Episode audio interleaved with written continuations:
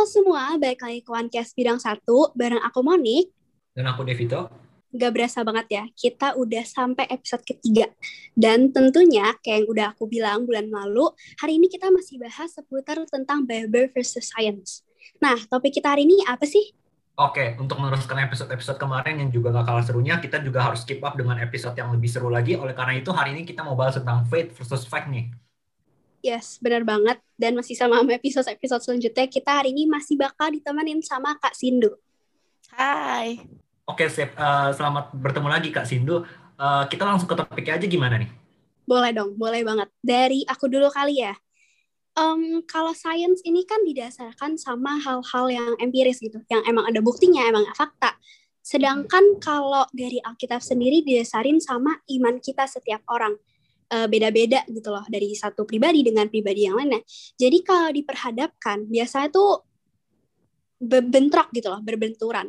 Apakah yang dengan kita percaya salah satu dari science atau Bible ini, kita tuh harus membuang yang lainnya gitu sih kak.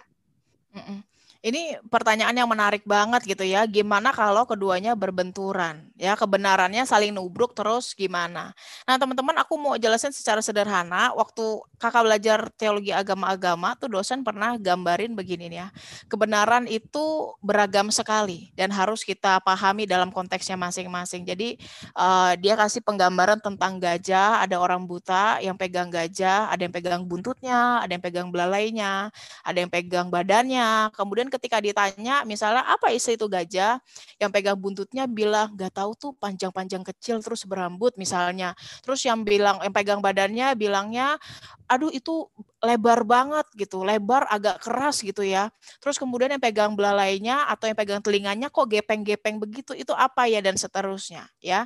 Tetapi itu gajah gitu dari sudut pandang yang berbeda-beda. Nah sebenarnya pergambaran ini teman-teman mau bilang secara sederhana kita nggak bisa nih membenturkan kebenaran yang satu dengan kebenaran yang lain ya karena semua agama punya kebenarannya sendiri-sendiri, punya kacamata, sudut pandang atau dasar berada yang berbeda dan itu diterima sebagai kebenaran oleh yang percaya. Dan menurut Kakak, prinsip ini berlaku juga nih ketika kita bahas tentang Bible and Science. Science kan seperti yang tadi dibilang sama Monik gitu ya, uh, dasar hal-hal yang empiris banget nih dasarnya. Ya pengalaman tapi didapat dari penemuan percobaan pengamatan dan seterusnya.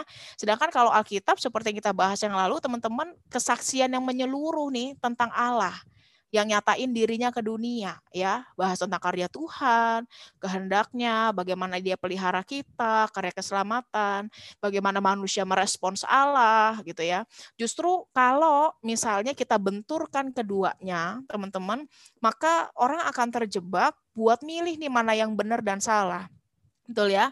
Kayak Monik bilang tadi, ini ngebuang yang satu buat terima yang lain, apakah itu benar begitu? Padahal cara terimanya teman-teman nggak harus demikian. Karena kita bisa menerima keduanya sebagai kebenaran tanpa harus saling meniadakan ya. Dan dalam pegangan ajaran GKI, kakak dari GKI, teman-teman ketika bahas tentang Alkitab, di situ dijelaskan satu hal sederhana, bahwa semua perlengkapan yang teruji, ya termasuk ilmu pengetahuan, yang membantu kita memahami Alkitab itu patut diabdikan untuk pemahaman yang benar. Ya, tetapi sebagai orang beriman, ya. Alkitab adalah firman yang punya kewibawaan, punya dasar yang uh, powerful, yang diakui dan kewibawaannya itu tertinggi yang harus kita pegang.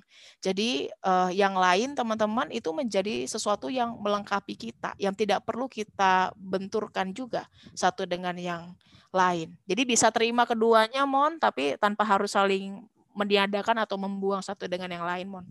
Oke, Kak. Ya, ya, aku ngerti sih.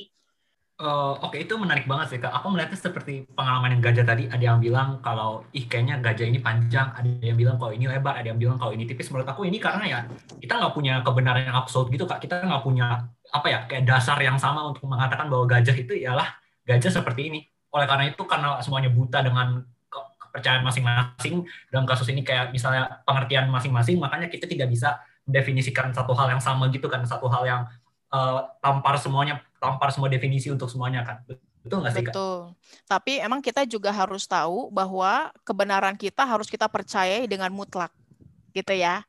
Jadi jangan terus kemudian kita pikir oh jangan-jangan ada banyak kebenaran yang lain terus kebenaran gua belum tentu benar enggak gitu. Misalnya teman-teman sebagai orang Kristen ya kita harus percaya gitu. Alkitab ya jadi kewi, punya wibawa yang tinggi begitu. Tanpa kita harus merendahkan kebenaran yang lain. Kira-kira kayak gitu. Fit maksudnya. Uh, betul juga sih Kak. Aku setuju Kak. Uh, kita sebagai umat Kristiani, Kak, kita tentunya percaya bahwa seluruh hal yang tertulis di dalam Alkitab adalah adalah fakta yang terjadi ribuan tahun yang lalu yang merupakan suatu uh, fakta. Namun kepercayaan ini kita hanya bisa peroleh dengan iman. Sedangkan ilmu pengetahuan kita dapat buktikan secara ilmiah, kita bisa lihat atau rasakan atau dengar dengan mata, telinga atau kulit kita sendiri atau semacamnya.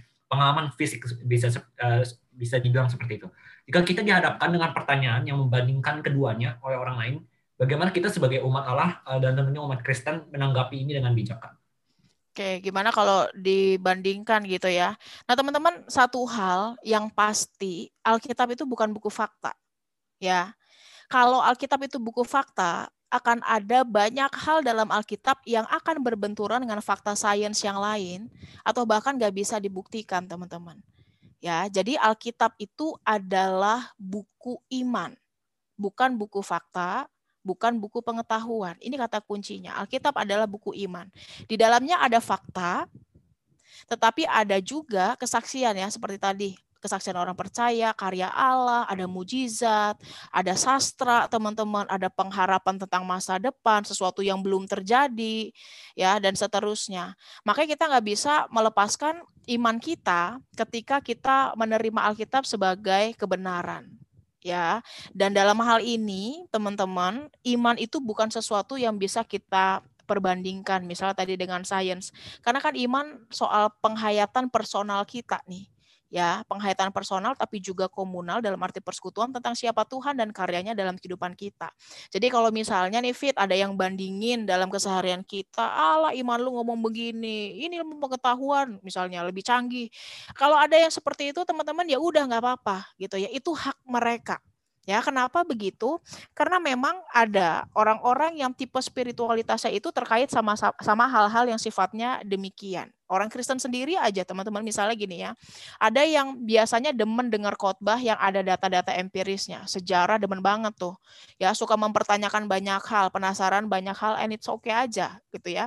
Tapi ada yang demennya yang nyentuh-nyentuh hati, ya, dengar sains malah pusing. Ya itu sah-sah aja. Yang penting kita tahu kalau Alkitab itu adalah buku iman dan bukan buku pengetahuan ataupun buku sejarah. Jadi kalau Alkitab dibentur-benturin orang, ya udah emang gue terima ini dalam iman dan keyakinan gue gitu. Itu titik berangkatnya. Gitu Fit.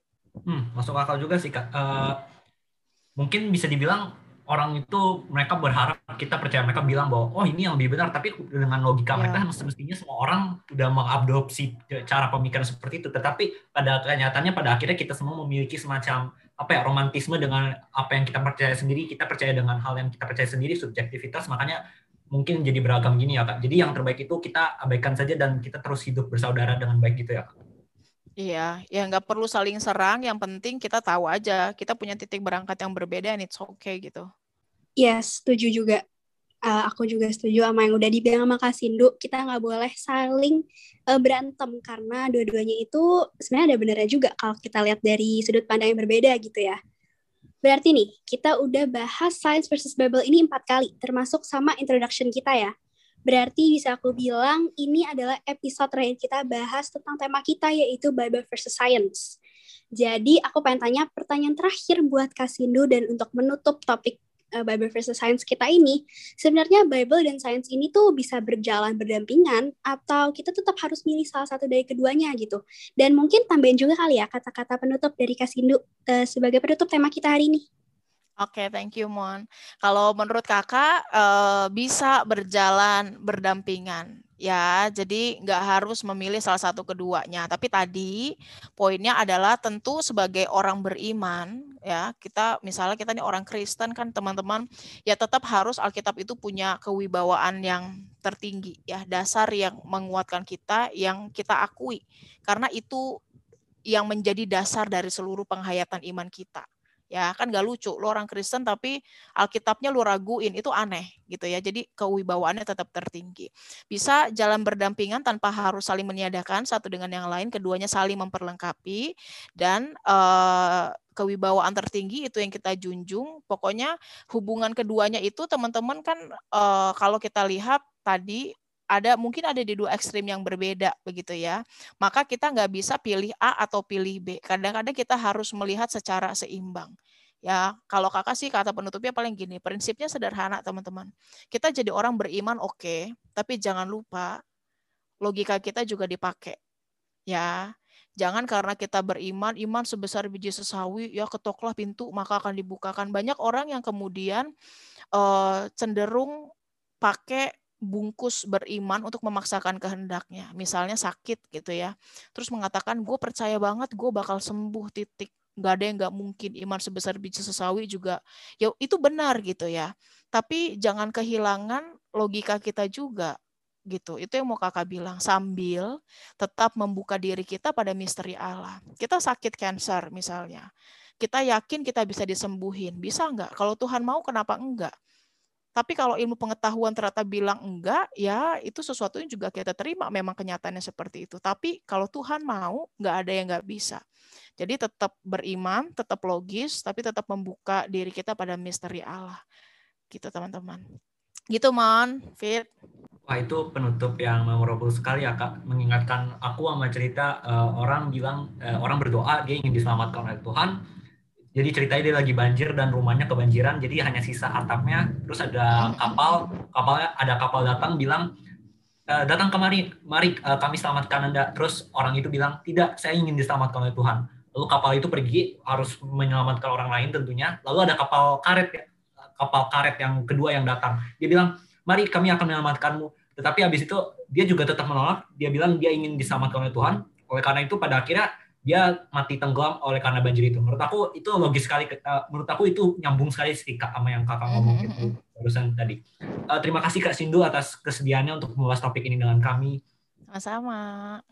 Oke okay guys, sekian for today's episode. I hope this will answer your question or perhaps you're dread to know more. Knowledge has a beginning but no end, once a wise man said.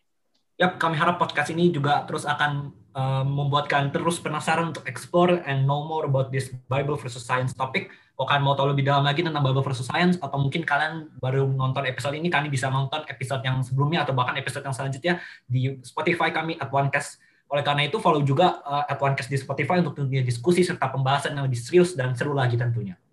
Thank you guys for listening to OneCast episode hari ini. See you guys di episode-episode selanjutnya. See you all. Bye.